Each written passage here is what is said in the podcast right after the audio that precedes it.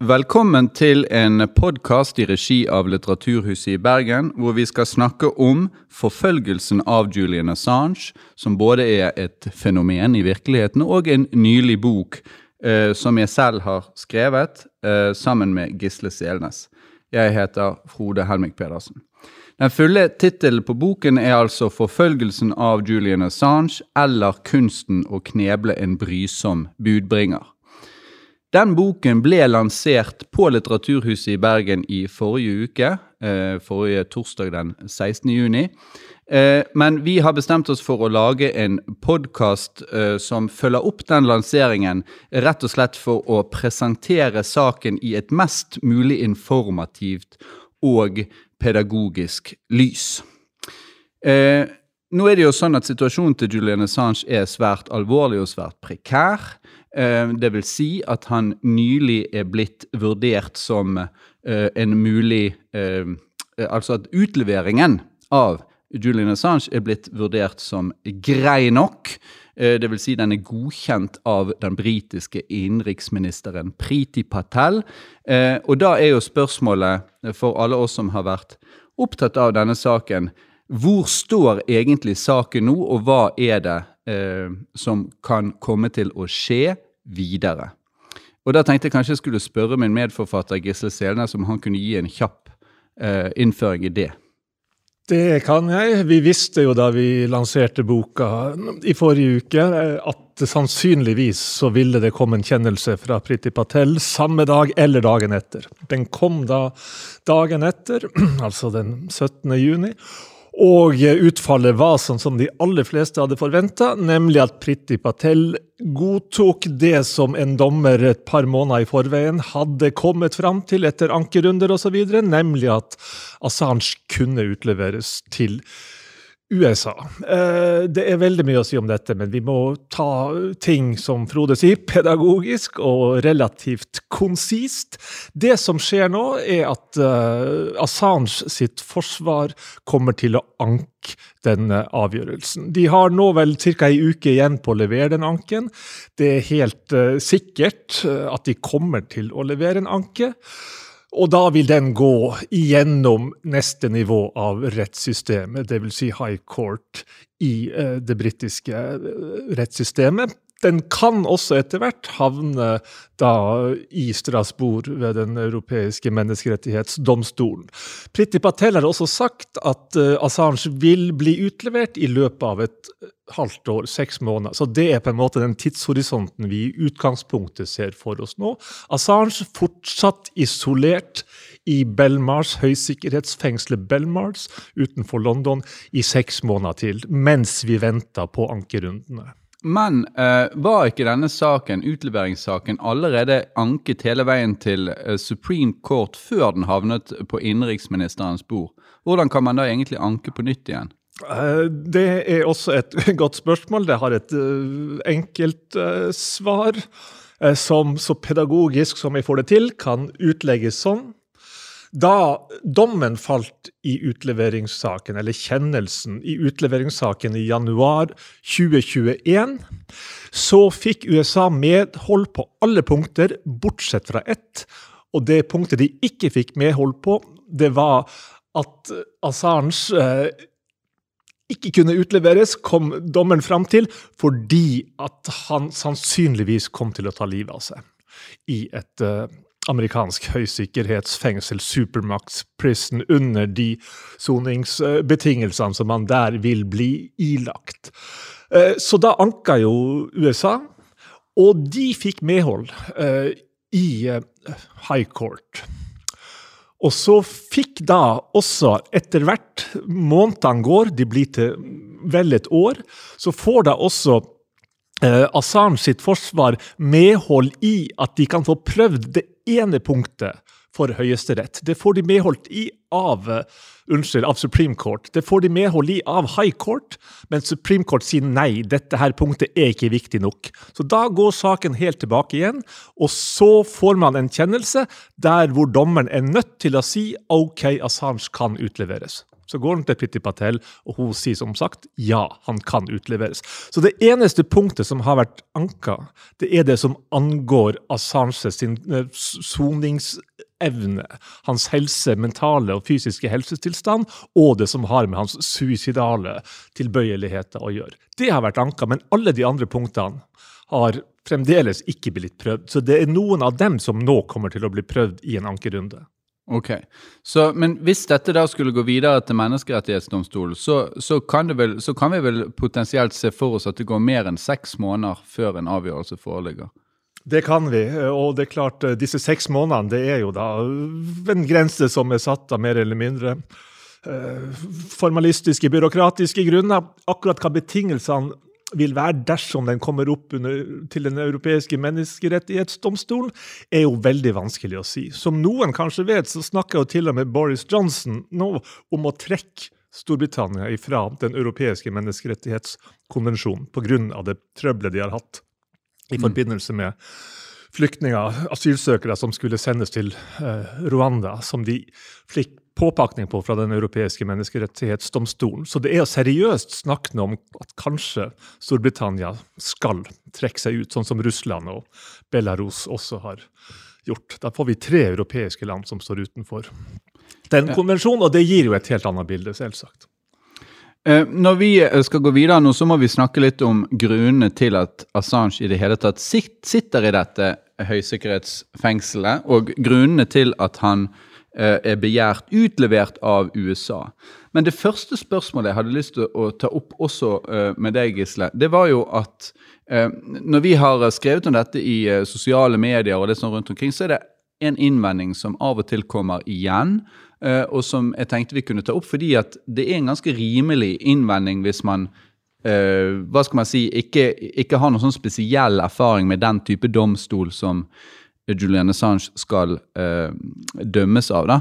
Og det er jo den innvendingen eh, at USA er vel en rettsstat. Eh, eh, Storbritannia er en rettsstat. Hva kan egentlig være det store problemet med at Assange blir eh, stilt for en amerikansk domstol?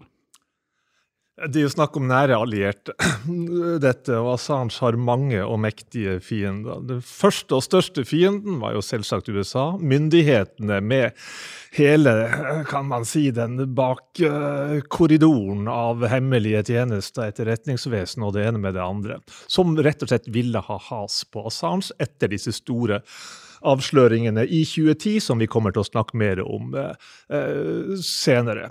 Og det er klart, Storbritannia er nær alliert uh, av USA. Assange skaffa seg fiender der også, i flere land, som delvis pga. at USA jo la så stor prestisje i dette og ville ha Assange eh, utlevert for enhver pris. Man hadde jo da også lenge en sterkt, og har jo fremdeles, en sterkt konservativ regjering i eh, Storbritannia. Så kan man si han skal jo da utleveres på bakgrunn av en utleveringsavtale mellom USA og Storbritannia. En bilateral utleveringsavtale. Og den eh, er langt ifra uproblematisk. Vi har ikke tid til å gå inn i detaljer her, men jeg kan bare si helt kort at den ble revidert. Eh, delvis revidert i kjølvannet av kampen mot terror. Eh, før så var det helt klart at man ikke kunne utleveres på bakgrunn av politiske forbrytelser. Nå hevder USA sine forsvarere at begrepet politisk forbrytelse ikke finnes lenger. Altså det, eller at det står i avtalen, men i lovverket så eksisterer det ikke. Så det er ikke gyldig. Så den utviklingsavtalen som Assange skal da utleveres på bakgrunn av, har ifølge både dommer og USA sine forsvarere passuser som ikke er rettskraftige lenger, fordi at lovverket har blitt endra. For å ja, gjøre det sånn at terrorisme, f.eks., som kan som en, kunne ha vært betegna som en politisk forbrytelse, ikke skal gi immunitet mot uh, utlevering. Så Det er det ene. Her er det mye, mye finjuss, holdt jeg på å si, og også mye uh, kynisk uh, juss. For hvis det er noe som kjennetegner Forsvaret, Uh, unnskyld, eh, aktoratet, altså USA sine advokater, så er det det at de er jævlig dyktige. Dette her, det kan de, og de finner alle smutthull som er å finne. Men helt kort, da. Det som venter Assange i USA, er jo en spesialdomstol. Det er den såkalte spionasjedomstolen. De Alexandria, Virginia, den ligger rett i nærheten av Washington. Eh, de har en jury på ca. 20, eller de har vel akkurat 20, hvis jeg ikke husker feil. Og de er jo da rekruttert fra kjerneområdet til amerikansk militære og etterretning. Så der har man en såkalt jury pool, som da vil tilsi at de aller fleste som sitter og skal dømme Assange, vil identifisere seg sterkt med maktapparatet. I tillegg så kommer det at når du er tiltalt etter den spuriøse, for å bruke et fremmedord, den, eh, den sterkt kontroversielle eh, spionasjeloven av 1917, så har du ekstremt få rettigheter. Én eh, ting er at du kan se på tiltalen mot Assange nå. Den har en strafferamme på 175 år. Så hvorfor har den det?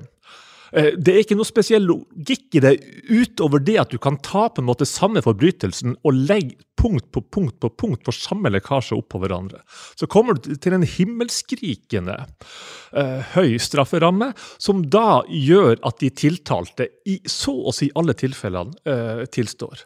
De, og så går de inn på en forhandling En plea bargain, som det kalles, og forhandla ned straffen, sånn at de skal slippe å råtne i et amerikansk høysikkerhetsfengsel. I tillegg så har de ikke lov til å forsvare seg ut ifra det som kalles for public uh, interest arguments. Altså, de kan ikke si at vel, ok, grunnen til at jeg gjorde dette, er at det tjener offentligheten, at det tjener et større gode, sjøl om jeg kanskje har brutt en av disse høyst spesielle og tvilsomme spionasjelovene parentes, jeg skal snart slutte på dette resonnementet.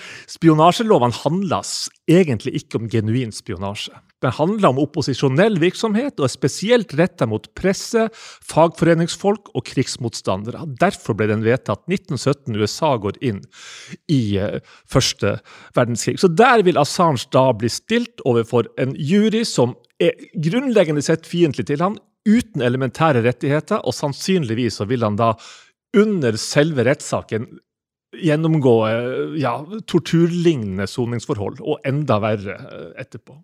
Um, kan man se for seg at uh, Assange kan bli frikjent av en slik, uh, i en slik domstol? Det er helt utenkelig. så Det har, det har knapt nok skjedd i det hele tatt. Det ting, altså, de som blir stilt for en domstol av den typen, altså, de blir ikke frikjent. De har ikke det på på repertoaret. De sier, Det blir jo sagt at under spionasjeloven med disse storjuryene i USA, så vil de til og med saksøke et uh, ost- og skinkesmørbrød. Og de vil faktisk klare å få ost- og skinkesmørbrød dømt. Så du har, i realiteten så har du ingen sjanse. Og hvem vil ta den sjansen da? Assange er 51 år, veldig snart. Altså Uansett, hvis han ikke tilstår, så vil han jo råtne i fengsel da. Og det er jo det de aller fleste skjønner. En ting er at du kan få nedsatt straffen radikalt fra 170 år til et par, tre, fire år. En annen ting er at du kan slippe disse helt horrible soningsforholdene som man har i USA når man er satt under spesielle soningsforhold, såkalt special administrative measures, hvor du er, i praksis er totalisolert hele tida. Et kvarter kanskje med familien i måneden. Ellers null kontakt med noe som helst. En celle på fem kvadrat. Der skal du sitte, mutters alene. Så du kanskje, har du rekreasjon på ei like stor celle som er akkurat lik eh, en times tid i døgnet. Og så blir du da, har du kanskje en time ute midt på natta, eh, som da tilsier at nesten ingen bruker det. Altså Soningsforholdene i USA er det må si hinsides enhver eh, forestillingsevne for en nordmann som ikke har eh, lest seg litt opp på det. Mm. Uh, og et uh, spørsmål som går igjen da uh, blant mange, og ikke bare de som støtter Assange, men også de som er skeptiske til ham, er jo hva er det Assange egentlig har gjort seg skyldig i? Hva er grunnen til at Assange nå står overfor en mulig dom på 175 år? Så der tenkte jeg at vi kunne gå litt tilbake og spørre hva Assange egentlig har gjort gjort uh, med denne organisasjonen som han uh, bygget opp da, Wikileaks. Og Det syns jeg kanskje at du kan svare på, Frode, sånn at ikke du blir sittende og spør meg hva jeg gjør halvsvaret. Uh, ja, takk for den, takk for den anledningen. Ja, nei, altså Wikileaks ble jo opprettet i 2006 av Julian Assange. Uh, og Ideen var altså å etablere et system for anonym opplasting av digitalt materiale av stor offentlig interesse. Så tanken var her at kilden skulle være anonym også for Wikileaks.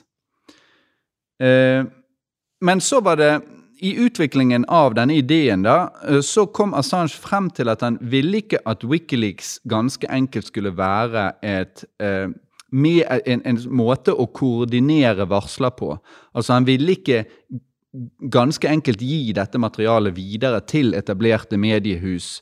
Eh, fordi at han da mente at da ville, da ville eh, Etter all sannsynlighet så ville Eh, de tradisjonelle journalistiske mekanismene slå inn, dvs. Si alt det som har å gjøre med de hensynene et kommersielt mediehus må ta, eh, ville føre til at materialet ble utvannet. Eh, at bare enkelte ting ville få oppmerksomhet osv.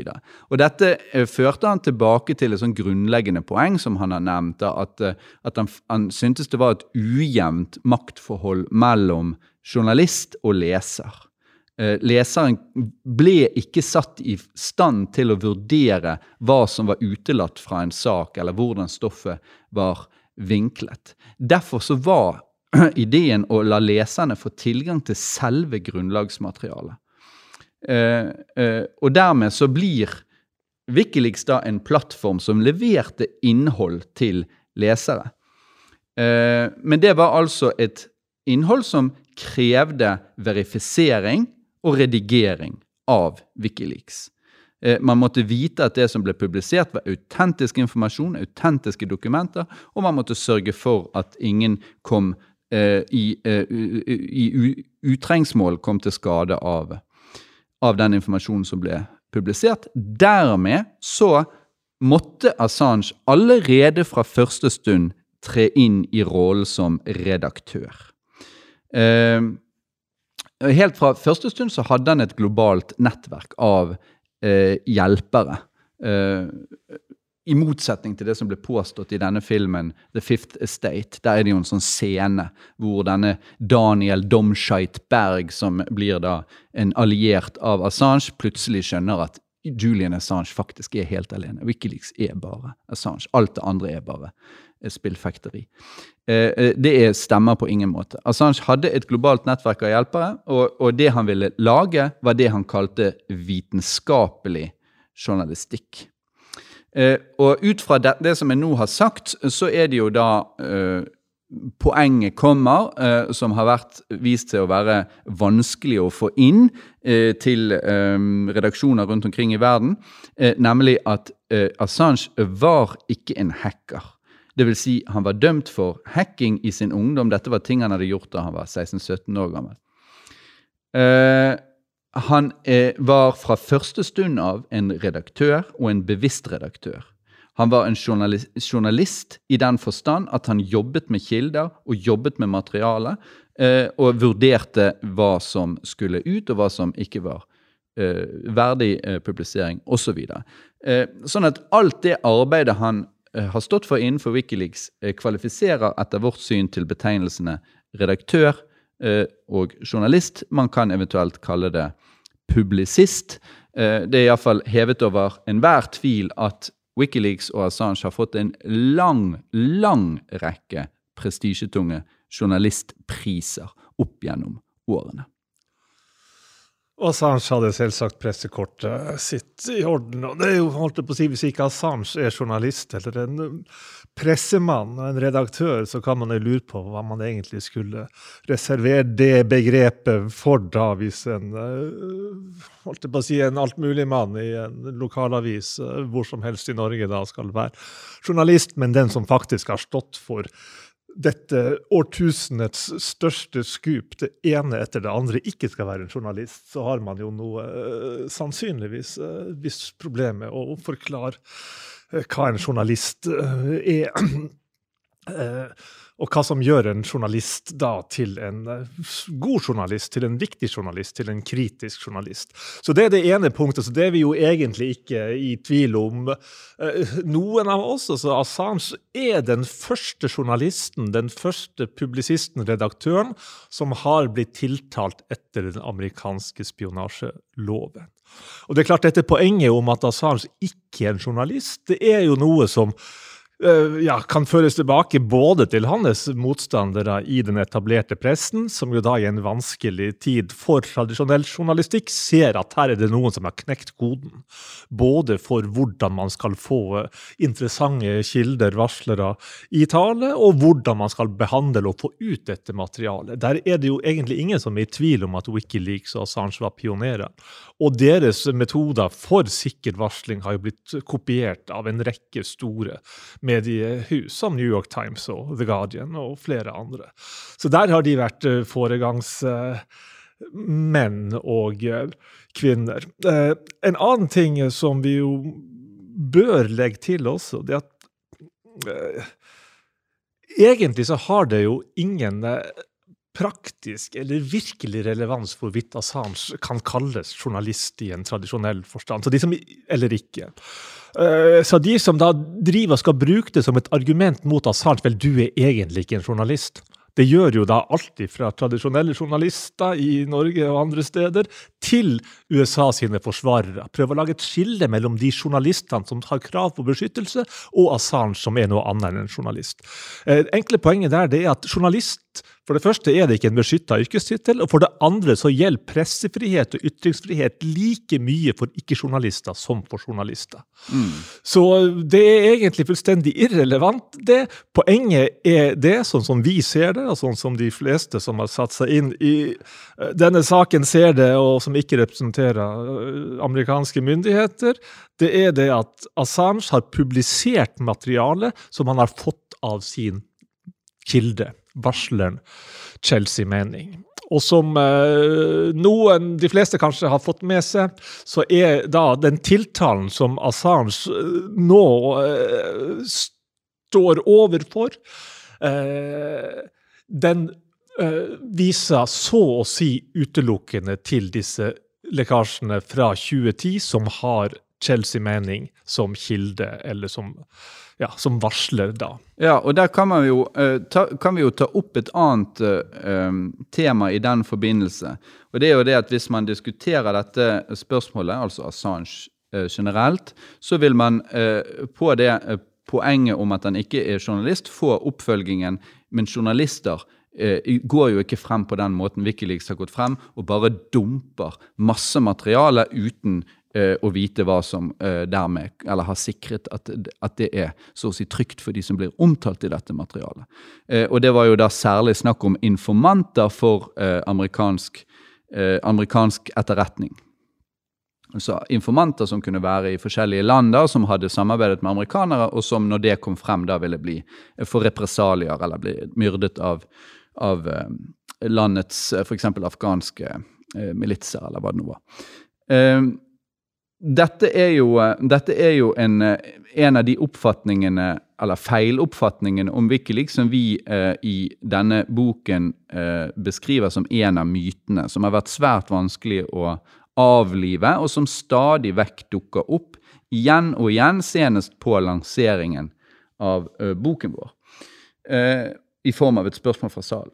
Eh, og da er det jo det å si at dette med dumping av store mengder dokumenter, det var eh, en Refererer da til en, et tilfelle fra 2011, september 2011, da dette Cablegate-materialet, altså disse diplomatmeldingene som var uh, utstedt av forskjellige amerikanske utenriksstasjoner rundt omkring i verden, og som ble uh, lekket av uh, Chelsea Manning, Eh, det ble da eh, publisert i sin helhet i uredigert stand i september 2011.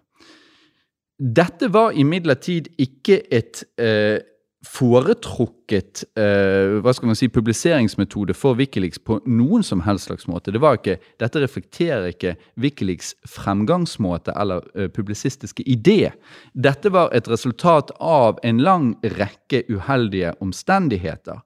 For det første, nå bare nevner jeg to-tre for det første at eh, Daniel Domscheitberg, som hadde gått ut av Wikileaks, han hadde lastet opp, han hadde tatt ut fra Wikileaks sine servere en god del materiale, egentlig hele arkivet til Wikileaks, eh, som eh, i en svært spent situasjon, da Wikileaks var under sterke cyberangrep bl.a., ble overlevert til eh, en person i Wikileaks som har da funnet ut at den beste måten å sikre dette materialet på, er å laste det opp eller gjøre det tilgjengelig for opplasting på alle mulige slags speilservere rundt omkring i verden. Og Blant dette materialet så fantes det en fil som hadde et eh, XYZ, eller et eller annet het den, eh, og som hadde hele dette materialet. Denne filen ble dermed tilgjengelig, den lå rundt omkring på internett. Ingen visste hva det var. Og den var heller ikke mulig å åpne, for var, den var inkryptert på en måte som gjorde det helt umulig. Men så kom da eh, en bok skrevet av to The Guardian-journalister eh, i begynnelsen av eh, 2011, hvor hele dette passordet til denne filen ble publisert som en slags sånn liten sånn artig detalj, en sånn autentisk detalj fra samarbeidet med denne eksentriske Julian Assange. Eh, det, eh, det eh, The Guardian-journalisten antagelig ikke har visst, var at dette passordet eh, fremdeles kunne brukes til å åpne denne filen. Og Dermed så var, eh, var, det egentlig bare et spørsmål om tid når dette eh, materialet ville bli tilgjengelig. Wikileaks bestemte seg da etter alt å dømme for rett og slett å fortie saken, for å bare tenke at ok, kanskje, kanskje det ikke kommer til å skje. eller kanskje Det Det er iallfall ingen vits å påpeke det, for vi kan ikke gjøre noe med det passordet som ligger på en fil på en eller annen server langt vekke. Ok, Sånn at eh, På et eller annet tidspunkt så dukker da dette opp, i, ikke minst i forbindelse med et intervju som denne Daniel Domscheit Berg gjør til en tysk avis. Han sier egentlig at her finnes det en fil, det finnes også et passord. Så han legger egentlig eh, forholdet til rette.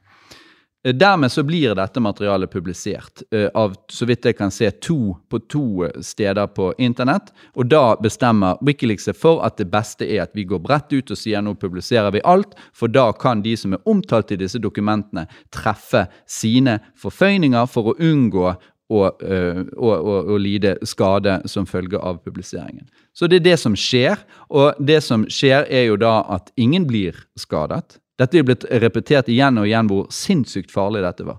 Vel, vel. Ingen, ingen, kom til skade. Det som skjedde, det var at en etiopisk journalist måtte flykte fra landet sitt. Alvorlig nok for vedkommende, men tross alt ikke en, en, en kjempestor eh, kostnad med tanke på eh, omfanget av dette materialet. Så der er egentlig saken. Dette har vært eh, ja, Eller kanskje jeg kan spørre Gisle, hva var det egentlig som skjedde? Eh, hva var det egentlig som førte til at dette ble en sånn gjenganger? Eh, at Wikileaks bare dumpet. Vi, hørte jo det, vi har jo hørt det igjen og igjen og igjen, bare nå i forrige uke.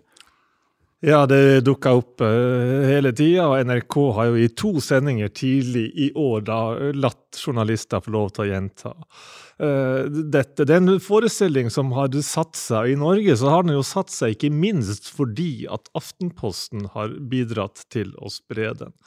Aftenposten fikk jo til gang eh, bak eh, Assange og Wikileaks sin rygg til en kvart million av disse såkalte eh, Cablegate-dokumentene, disse ambassademeldingene. Hvordan skjedde det egentlig? Ja, det er det ingen som vet. Vi har våre teorier, mm. men vi, de er ikke bekrefta, så vi kan ikke gå ut med det. Og Aftenposten har sjøl ikke ha sagt noe om det. De skal beskytte sine, sine kilder. Men eh, i alle fall så er det jo helt tydelig at den historien som Aftenposten har kjøpt og spredd, den er den samme som den The Guardian-journalistene Uh, Luke Harding og David Lee, eller særlig David Lee, har satt ut uh, i livet. Som da går uh, Fordi at det var jo de, som Frode nevnte noe ganske rett om, som hadde publisert dette passordet. Og da gjort det sånn at det var mulig å koble passord og fil og få de uredigerte dokumentene frem for den som bare kunne kunne lete. Den versjonen sto faktisk på trykk i en NTB-melding i Aftenposten da, omtrent samme dag eller dagen etter det skjedde.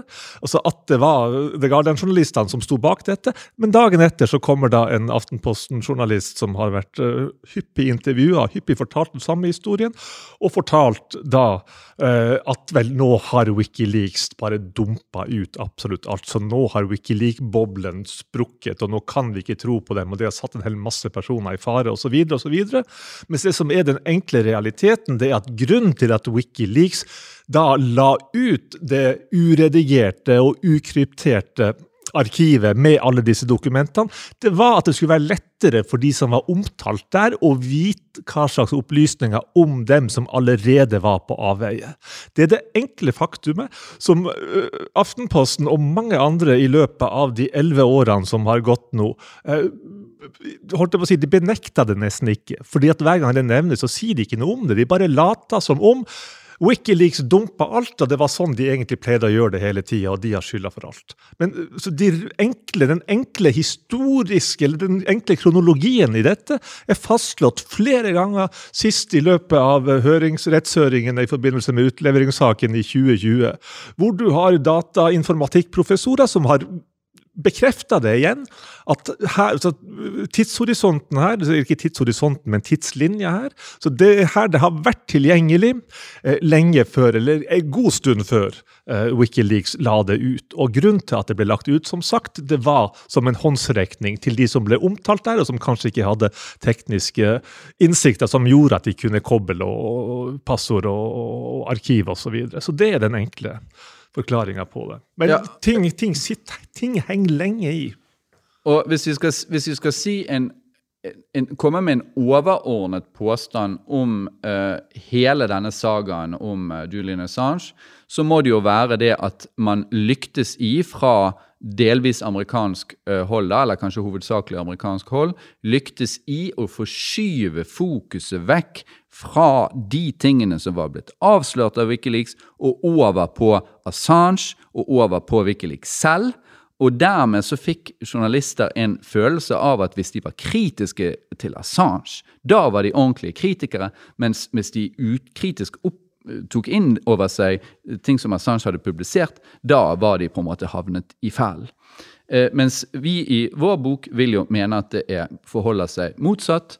Eh, de som er mest Assange-kritiske, er de som er mest ukritiske til det Assange faktisk har avslørt. Det er jo et par ting eh, som ofte dukker opp, som har vært de mytene som har vært eh, vanskeligst å avlive. Man kan på en måte Det vokser ut et nytt hode for hvert eh, du skjærer av disse mytetrollene som dukker opp. Og ikke bare på sosiale medier blant såkalte nettroll her og der, men de trives egentlig enda bedre i det som av og til virker som å være de etablerte medienes felles ekkokammer.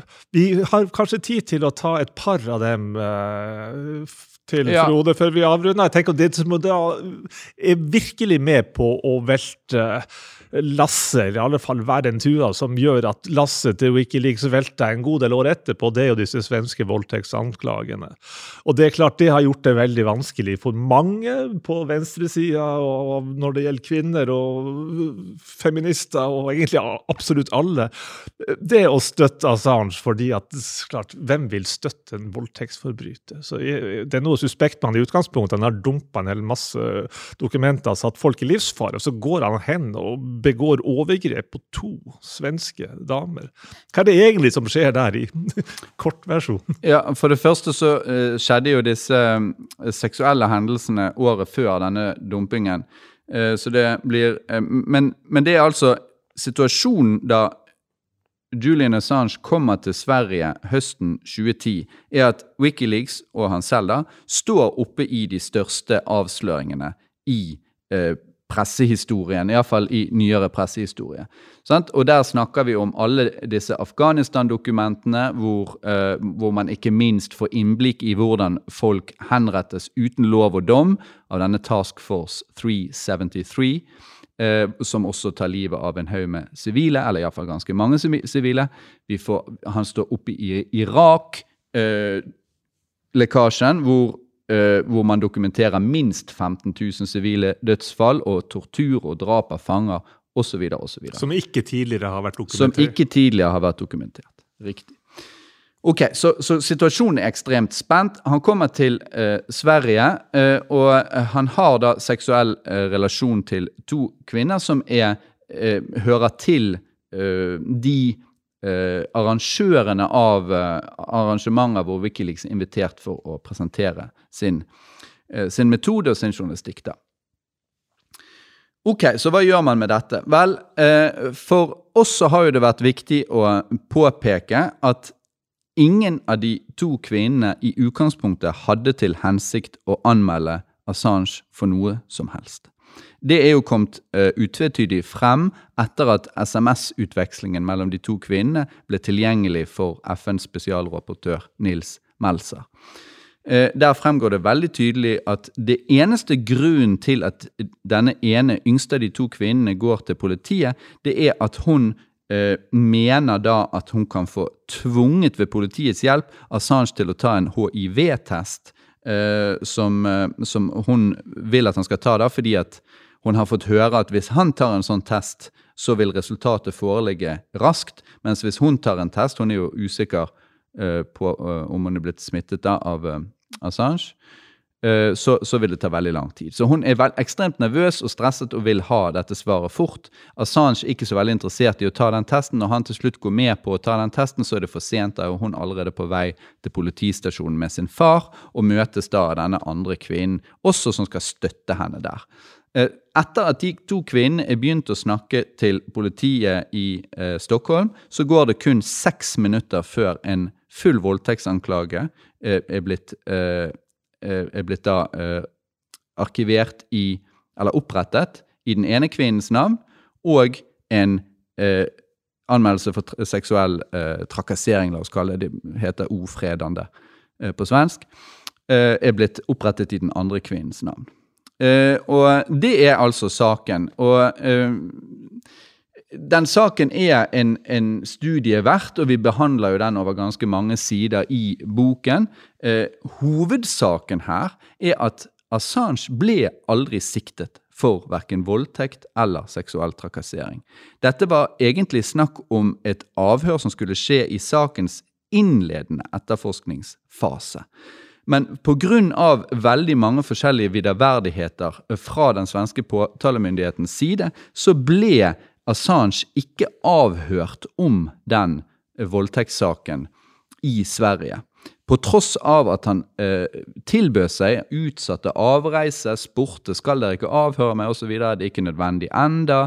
Eh, når han kom til avhør, så hadde eh, statsadvokaten lagt vekk hele voldtektsanklagen, så da var ikke den aktuell, osv. osv.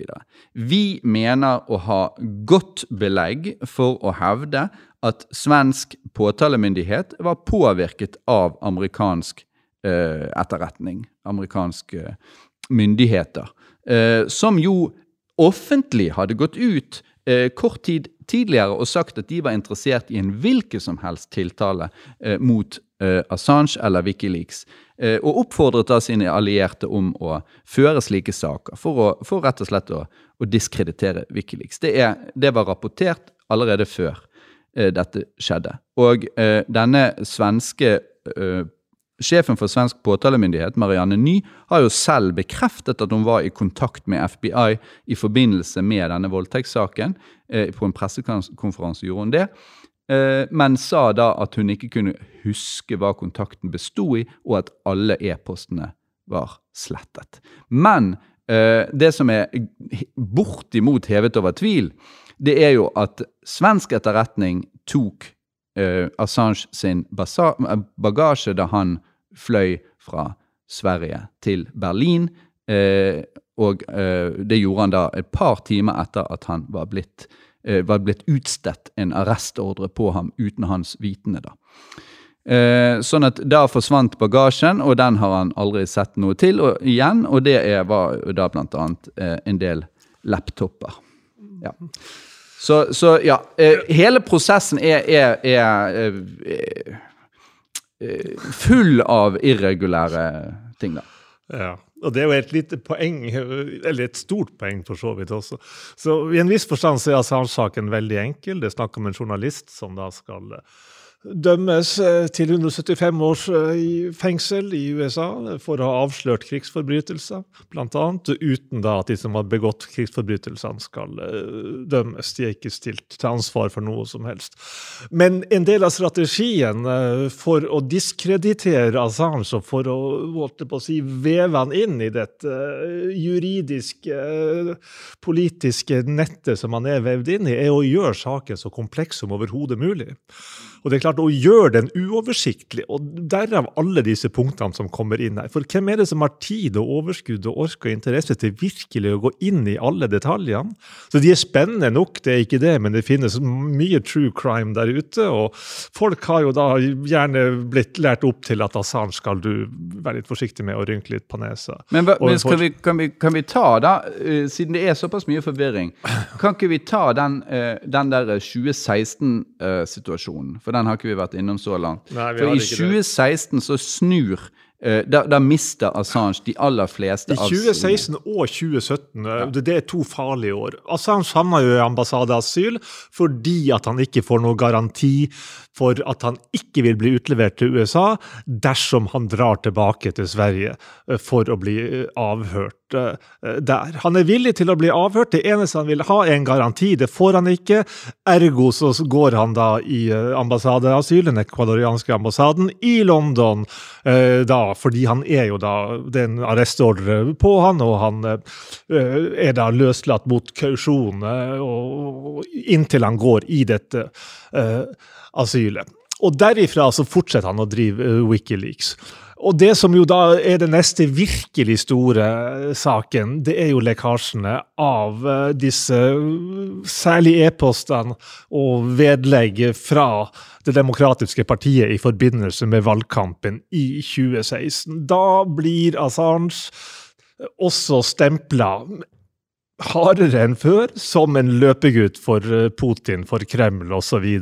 Fordi at disse e-postene bidrar da angivelig til at Trump vinner eh, valget. Og så antydes det at det er russisk etterretning som står bak. De vil gjerne ha Trump, og de vil ikke ha Hillary, osv. Så, så, videre. så der får man da eh, den historien. altså Assange har da vært en løpegutt for russiske myndigheter og russisk etterretning. Og vel, eh, det er slått fast at Assange ikke har stått i noen direkte forbindelse med, med russisk etterretning. Altså det har vært prøvd uh, igjen og igjen i utallige rapporter. Folk kjenner til Müller-rapporten, litt færre kjenner til Senat-rapporten, som kom et par år etter, men det har vært prøvd å etablere den forbindelsen der den lar seg ikke etablere. Sannsynligvis så er det russiske uh, agenter eller aktører som har hacka Eh, e-postene, serverne til eh, DNC, det nasjonale partiet sin nasjonal, det demokratiske partiet sin nasjonalkongress og noen flere aktører der også, og har gitt det da videre til Wikileaks. Det som Wikileaks har gjort, er det som de pleier å gjøre. De har da verifisert disse dokumentene, og så har de publisert dem. Fordi at det som kommer fram der, er alvorlige avsløringer om at primærvalgene har vært rigga til fordel for Hillary Clinton. Altså primærvalgene i Det demokratiske partiet. Man vil ha Bernie Sanders ut, han er for radikal, han er for venstreorientert osv. Og, og så har da hele nasjonalkongressen, da, lederen der, um, har da rigga det til sånn at, sånn at uh, unnskyld, Bernie Sanders skulle fremstå som en u valgbar eh, kandidat. Så hun må gå, og også den personen som da stepper inn og overtar eh, midlertidig etter hun, viser seg å ha vært med på akkurat det samme. Og så kommer da alle avtalene, talene, de høyt prisa talene som eh, Hillary Clinton har holdt for Wall Street-aktører osv., de kommer for en dag. Så her viser det da et eh, demokratisk parti som har eh, opptrådt uredelig, og som har hatt eh, en agenda som langt ifra har vært transparent. Og det er klart, det har eh, Wikileaks ment var noe som amerikanske velgere hadde krav på å vite. Så kan man diskutere om de gjorde for mye ut av dette, hvorvidt de agerte på en måte som kanskje spilte opp stemninga litt for mye. Det kan hende, det. Men i bunn og grunn så er dette her interessant stoff. Og det har man også fått slått fast en rettskjennelse på, fordi Det demokratiske partiet anmeldte jo både Trump-kampanjen Trump og Assange og Wikileaks osv for å ha samarbeida med russere osv. for å ha publisert deres uh, hemmelige materiale. De fikk medhold på null punkter. Dette var interessant for offentligheten, ble det slått fast. Vi, eh, vi, må vel eh, gå inn for landing omtrent nå, men jeg tenkte kanskje vi kunne komme med en kort kommentar til dette med det som vi i boken kaller for svertekampanje.